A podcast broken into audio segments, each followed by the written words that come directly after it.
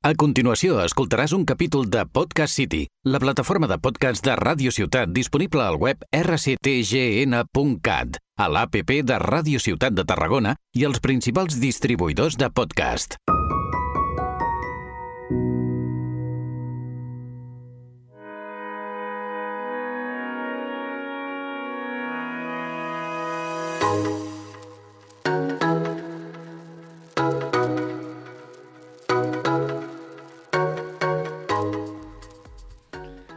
Hola a tothom i benvinguts al podcast de Converses amb Jove Cambra. Som aquí amb la Georgina Matamoros. Jo sóc el Raül Gil, president de la Jove Cambra de Tarragona. Avui no ens acompanya l'Àlex, el nostre vicepresident, eh, però bé, cap problema. Tenim la superpresència i estem molt contents i, i és tot un orgull poder tenir aquí a la Georgina Matamoros. Bon dia, Georgina. Bon dia, Raül. Moltes gràcies per convidar-me. I bueno, per a mi també és un orgull estar aquí i estic molt, molt contenta d'acompanyar-vos. La Georgina és eh, la vicepresidenta de la nostra entitat a nivell de Catalunya. Però, a més a més, doncs, eh, ella és tota una emprenedora. I avui venim a parlar una miqueta doncs, de, de la seva vida, de, de, de com ha emprès diferents projectes i, i tots ells l'han portat doncs, a, a, a tenir aquest camí dintre de Jove Cambra i ara emprendre el gran repte doncs, que aquest 2022 ha sigut la vicepresidenta i ara ja ha estat escollida en el Congrés eh, Nacional passat, de fa unes setmanes, eh, com a presidenta electa per al 2023 per la JCI Catalunya. Enhorabona. Moltes gràcies. Bueno, I moltes gràcies per la confiança, no? perquè al final és també eh, mèrit de tots i, i és gràcies a totes les entitats de Catalunya que, que puc tindre el plaer i l'orgull de desenvolupar este càrrec l'any que ve. La Georgina ve de, de Terres de l'Ebre, és en repitenca de cor, d'ànima, d'esperit i, i de tot. Um, ella va estudiar, va estudiar a la universitat Administració i Direcció d'Empreses, si, si, si m'equivoco en alguna cosa m'ho dius, eh? Administració i Direcció d'Empreses, va fer un, un màster en Màrqueting i Comunicació, a més també té un curs en Màrqueting Internacional que va fer a l'Àsia. Um, després també va, va estudiar a Alemanya in, eh, International Management, eh, té un màster també en professorat, que això l'ha portat doncs, a poder fer cursos de, de, de màrqueting. Eh, ha treballat com a analista de mercat, ha treballat en màrqueting, account manager, en un munt de projectes i a més a més doncs, això va fer que, que fa cinc anys fundés la seva pròpia agència de màrqueting. Mm -hmm. Déu-n'hi-do, Georgina, déu nhi quin, quin currículum. A part també parla 7 o 8 idiomes i, bueno, bueno, hi ha alguna cosa que no, que no sàpigues fer? No ho sé, ho hauré de provar. A veure que no em surt bé. No, és broma. Hi ha coses que no sé fer. Se me dona molt malament l'esport, per exemple. Bueno, escolta, tot no sí, es pot tenir. No, no, córrer ho porto fatal i els esports en general lo suspenia a classe, eh? Llavors ho havia de compensar en la resta d'assignatures. I, I com va ser, com va ser aquests, aquests inicis, no? Com, com, com tu decideixes que, que, que vols estudiar això i te'n vas cap, a, cap al màrqueting internacional i, i, i tot això que vas fer? Que... Bueno, quan era menuda eh, tenia una obsessió en ser jefa.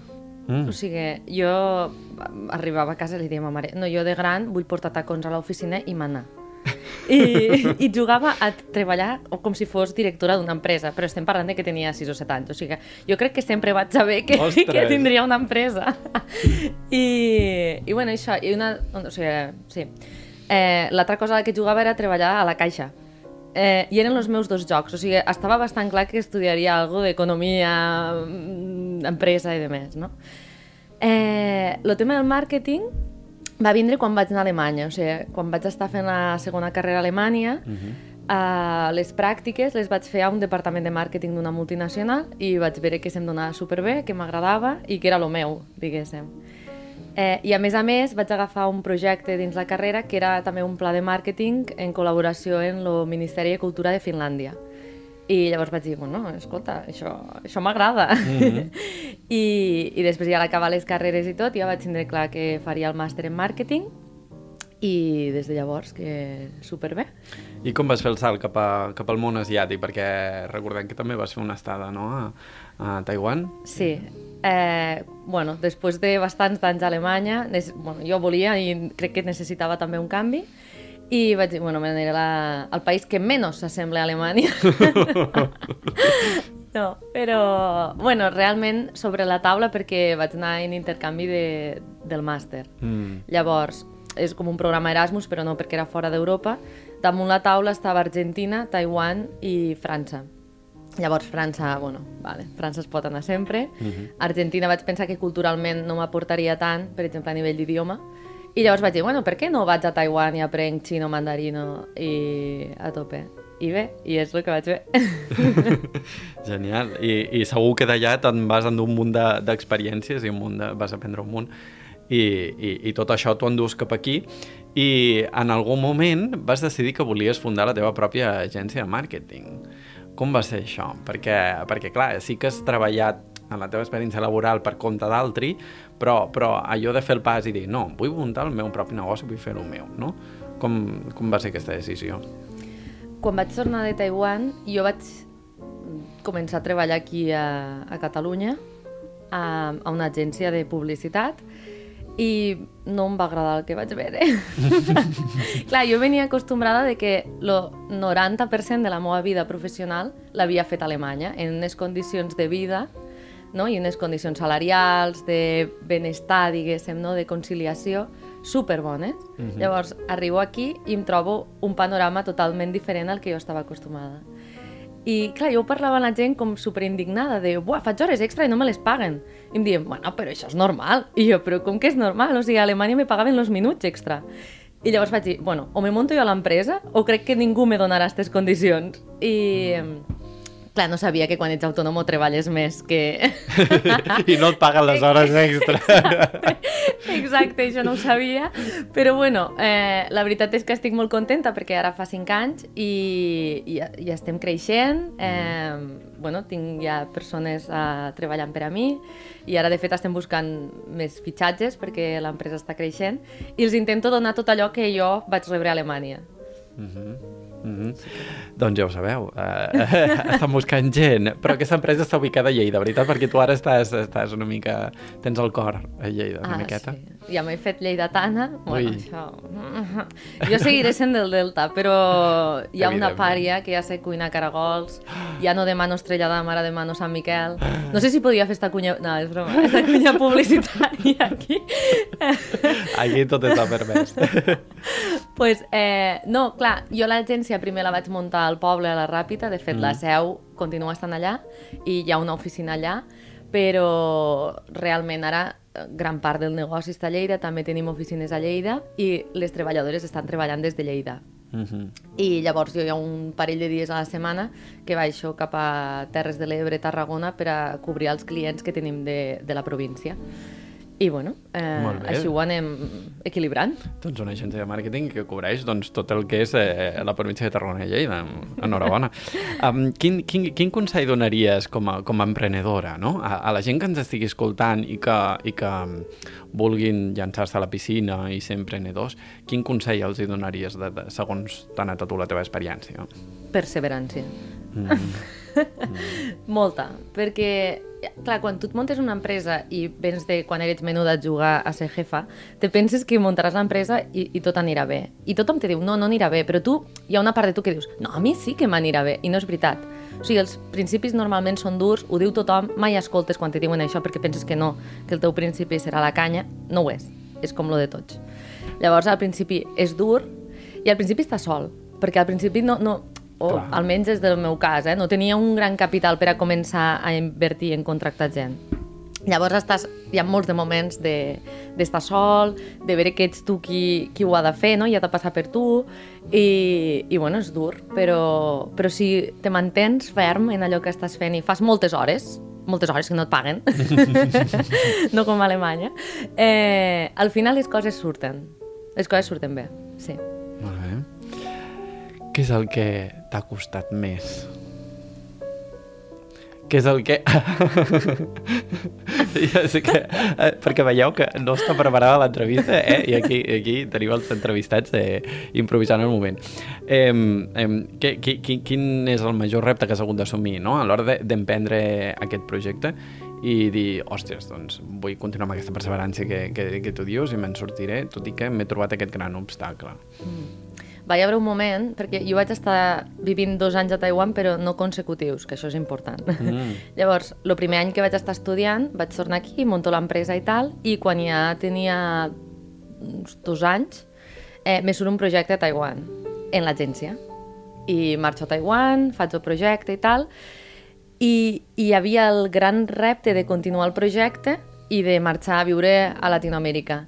I va ser, un, va ser un any molt complicat perquè, clar, jo continuava tenint clients a Catalunya, però també tenia clients a Taiwan i també tenia clients a Latinoamèrica.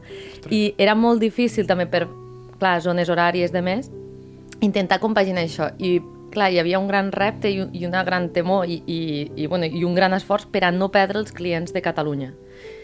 I al final vaig tindre que prendre una decisió i quedar-me en un país de, o en una àrea de les tres, no? I vaig decidir tornar a casa. Oh, que oh. bonic.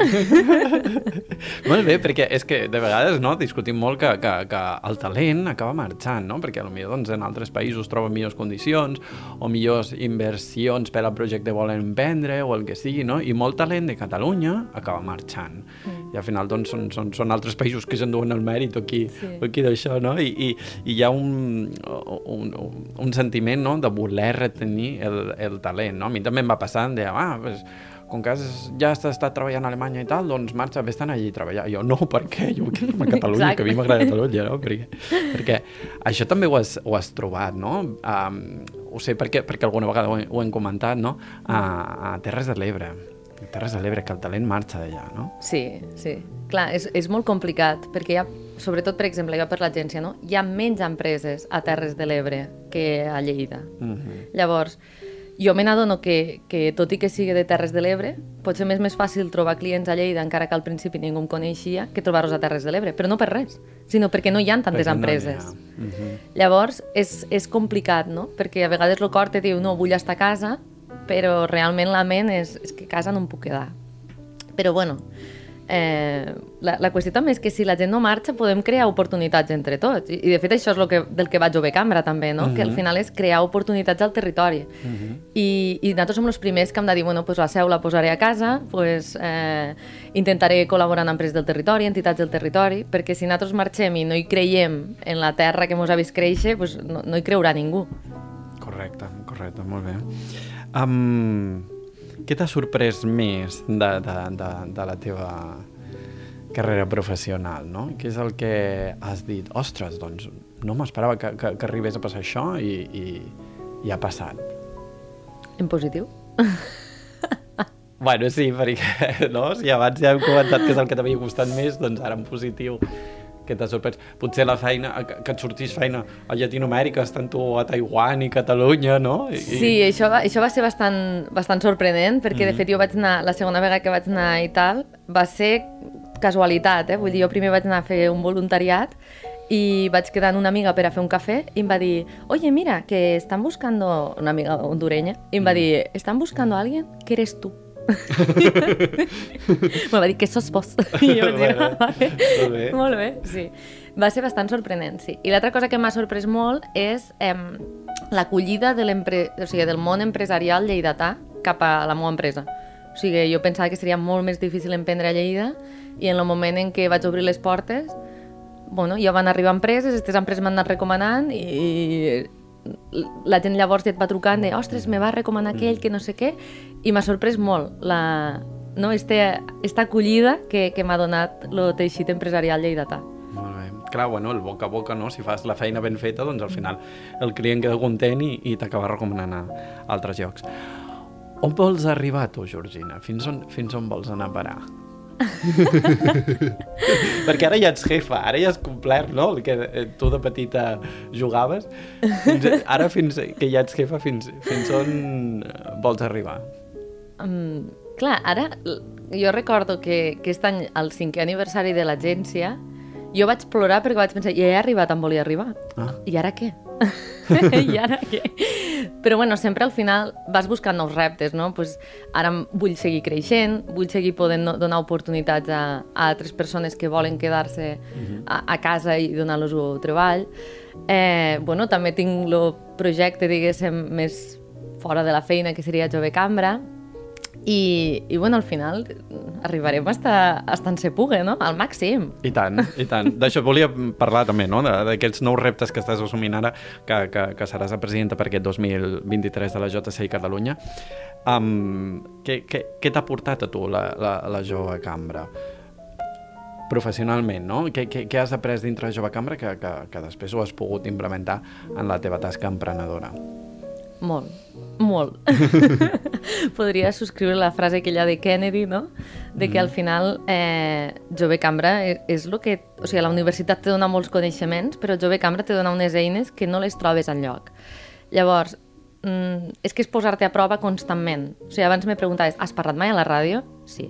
La primera vegada que vaig parlar a la ràdio va ser per una entrevista que em feien quan fundava la Jove Cambra Terres de l'Ebre. Uh mm-hmm. -huh. Llavors, al final te dona una sèrie de coses que potser no accediries si no estiguessis a Jove Cambra. I el fet de poder fer projectes, de poder entrar en projectes i saber que tot és un aprenentatge en si i que encara que surti malament, doncs, bueno, ho aprendràs i a la propera ho faràs millor i tens un equip i tens un suport de la resta de membres que ningú et culparà perquè t'hagués equivocat, això et dona molta llibertat i et dona molta seguretat de fer coses a les que potser no t'atreviries a fer si no fos així. No sé, l'he pegat així una mica de volta, però... No, sí, sí, sí, sí, sí s'entén, s'entén. és un món d'oportunitats, eh, la jove cambra, i, i és el que de, diem, no? Sempre el, el learning by doing, doncs vas aprenent mentre vas fent encara és nous reptes que tu no havies fet mai, que no pensaves que arribaries a fer i et poses dintre jove cambra, els fas, tens gent que t'ajuda, que t'orienta, que si t'equivoques o et caus, doncs t'ajuden a aixecar-te o, o, o a corregir el què perquè la següent vegada facis millor i, i tires endavant. Així que, que, que, que ja ho sabeu, us heu de fer membres ja, eh? L'altra cunya. Perquè, de fet, precisament, eh, tu, Georgina, vas refundar o vas fundar la Jove Cambra Terres de l'Ebre. He dit refundar perquè primer hi havia la Jove Cambra Tortosa, uh mhm. -huh. però tu vas, eh, fa, fa, fa poquets anys, vas fundar la Jove Cambra Terres de l'Ebre. Vull dir que, que no només has emprès projectes a nivell personal, sinó també dintre de la Jove Cambra, no? Com, com va ser això? Explica'ns una miqueta. Eh, bueno, el tema de la fundació va ser també una casualitat de la vida, una sorpresa de les que parlàvem abans, jo vaig anar a una formació, no sabia que l'estava fent Jove Cambra, mm -hmm. me vaig apuntar a través de la Diputació de Tarragona perquè també estaven, era com conjunta, i quan se va acabar la formació vaig preguntar, què és això de Jove Cambra? I llavors m'ho van explicar i vaig dir, oh, això, això es fa falta al Delta, o sigui, és super necessari a Terres de l'Ebre. Mm -hmm. I, I em van dir, ah, doncs pues, funda-la. I, i, I, bueno, va ser allò típic, la típica frase aquella de sujétame el cubata. I... que ara vull allà. I al cap de tres setmanes vaig enviar un correu i vaig dir, bueno, ja tinc el que m'havíeu dit, 20 persones, que pareix així com una mica secta, o sea, tipus, ja tengo a las 20 personas elegidas. Dic, i què he de fer? I m'han dit, bueno, pues farem una reunió amb la presidenta nacional i la presidenta nacional i elles ja t'explicaran i a partir d'aquí. I, bueno, i a partir d'aquí ja, ja va començar a funcionar. I quan portàvem vuit mesos de funcionament, mm. fem un sopar, bueno, organitzem un sopar a Tortosa ja com per fer la sortida com a entitat definitiva, perquè al principi ja saps que... Un grup promotor. Exacte, és a dir, fins que no vam tindre, diguéssim, l'estatus d'entitat definitiva, o sigui, d'OLM, uh, vam fer llavors el sopar de, ei, ja estem aquí, no? Mm. I organitzant el sopar, m'entrevisten a, a la cadena SER, a Tortosa, em diuen però una dona que treballava allà diu però el meu home va ser de jove cambra aquí a Tortosa. Dic, com?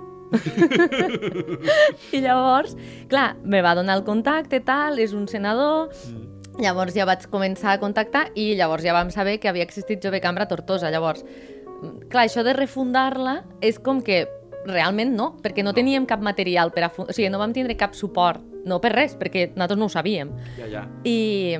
No, i que no és el mateix, perquè al final vosaltres eh, abarqueu no? doncs, eh, els diferents pobles que hi ha a Terres de l'Ebre. La Seu em sembla que la teniu a la Ràpita, sí. eh, però també feu coses a Tortosa, heu fet coses a Amposta, vull dir, que aneu una miqueta a tot arreu, no? Exacte, nosaltres també volíem agafar el concepte de les quatre comarques, uh mhm. -huh perquè, perquè al final hi ha poca gent, és, és el que diem, vull dir, és, una, és un territori bastant extens, Terres de l'Ebre, però no hi viu molta gent, i menys gent jove. Uh mhm. -huh. Llavors vam dir, bueno, pues, obrim-ho a les quatre comarques i al final la gent se sent de Terres de l'Ebre. si haguéssim fet jove cambra Tortosa, doncs jo com a rapitenca no em sento tortosina. M'estimo molt Tortosa, però no em sento tortosina. Ja, llavors clar. potser no m'hagués apuntat, no? Mm -hmm. I, I llavors el fet de Terres de l'Ebre també ha fet que gent de, de Ribarroja, mm, Bot, Terra Alta, en general, no? Ribera d'Ebre, diguen, bueno, Terres de l'Ebre ho som tots, no? I això també és un concepte no? de, de poder unir a més persones. I poquet a poquet doncs, has anat pujant no? dintre de, de, de, de Joan Cabra des de fundar-la, que ja vas entrar per la porta gran de, mira, som fundadora, i és com la fundadora més jove que tenim aquí Joan Cabra. I perquè, perquè per exemple, doncs, Tarragona es va fundar ara fa 52 anys, tenim el, el, el fundador, que me l'aprecio molt, eh, per aquí, que va venir doncs, l'any passat, quan van fer la, la celebració. I, però clar, de, de, de joves cambres que s'hagin fundat doncs, fa poc, doncs et tenim, et tenim a tu, no?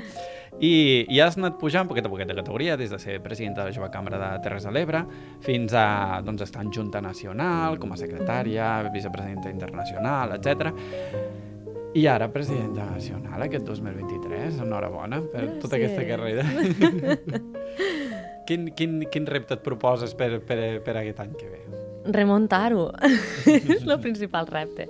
La veritat és que, bueno, ja saps que, que també de, després del Covid ha sigut, o sigui, el Covid a les associacions i a les entitats eh, com la nostra ha afectat molt, perquè al final la presencialitat era molt important, és molt important, i clar, això, això ha tocat bastant, no? Llavors, eh, l'any que ve això ho hem de remuntar a, al màxim, mirant el futur, mirant nous projectes, posar la vista el més amunt que poguéssim i, i anar cap a aquest objectiu de ser grans. Doncs ja ho veieu, uh, anirem endavant, remuntarem, pujarem i, i tot serà gràcies a vosaltres, a tots els oients que ara mateix anireu a, a l'Instagram d'arroba JCI Tarragona o anireu a la nostra pàgina web a jci.cat uh, i ens enviareu una sol·licitud per ser membres, ens contactareu i, i, i vindreu corrents perquè doncs aquí doncs, ja veieu, tenim esperit emprenedor i si no sou emprenedors és igual perquè construirem aquest eh, esperit eh, amb vosaltres i qui- quin, quin és l'últim consell que, que els hi pots llançar uh, a, a, als júniors o, o als futurs júniors que ens estan escoltant? S'han d'apuntar ara. S'han d'apuntar ara perquè més tard ja, ja ho veuran com una cosa superamunt. Llavors, no, és broma. Eh, però, però sí que s'han d'apuntar, això és un gran consell. Eh, la veritat és que realment el consell és que ningú sap el potencial que té Jove Cambra o ser membre de Jove Cambra hasta que no entres. I una volta entres, és una entitat que sempre ho diu tothom, que te dona molt més del que tu li dones. I realment ja saps que, que a mi m'encanta dir que Jove Cambra te, te, te pot donar tot allò que tu pugues imaginar-te, no? O sigui, qualsevol projecte que tu tingues en ment a la teva ciutat, a la teva comunitat, lo pots fer en Jove Cambra. I este creixement personal que això et dona, eh, les persones que coneixes, el networking que fas, la carrera internacional, poder sortir fora, conèixer gent d'altres països, les acadèmies internacionals que tu has estat, és que és increïble. Llavors, el meu consell és que si no són de Jove Cambra, se faiguen de Jove Cambra. I si ja són de Jove Cambra, si poden, que s'impliquen una miqueta més. I llavors, i llavors aconseguiran tot el que es proposen. Genial, moltes gràcies, Georgina. Doncs ens quedem amb tots aquests consells que ens has donat. El primer tots, que ens fem membres de Jove Cambra. Uh, el segon, aquesta perseverància que tu, que tu com, a, com a emprenedora doncs, has hagut d'utilitzar dintre de, de la teva pròpia empresa. I, i, i bé, amb, amb, amb tots els consells que ens has donat i, i tota aquesta energia positiva i, i totes aquestes ganes de tirar endavant i d'emprendre projectes que tens. Així que moltes gràcies per haver-nos acompanyat avui. Gràcies a vosaltres per haver-me convidat i un plaer.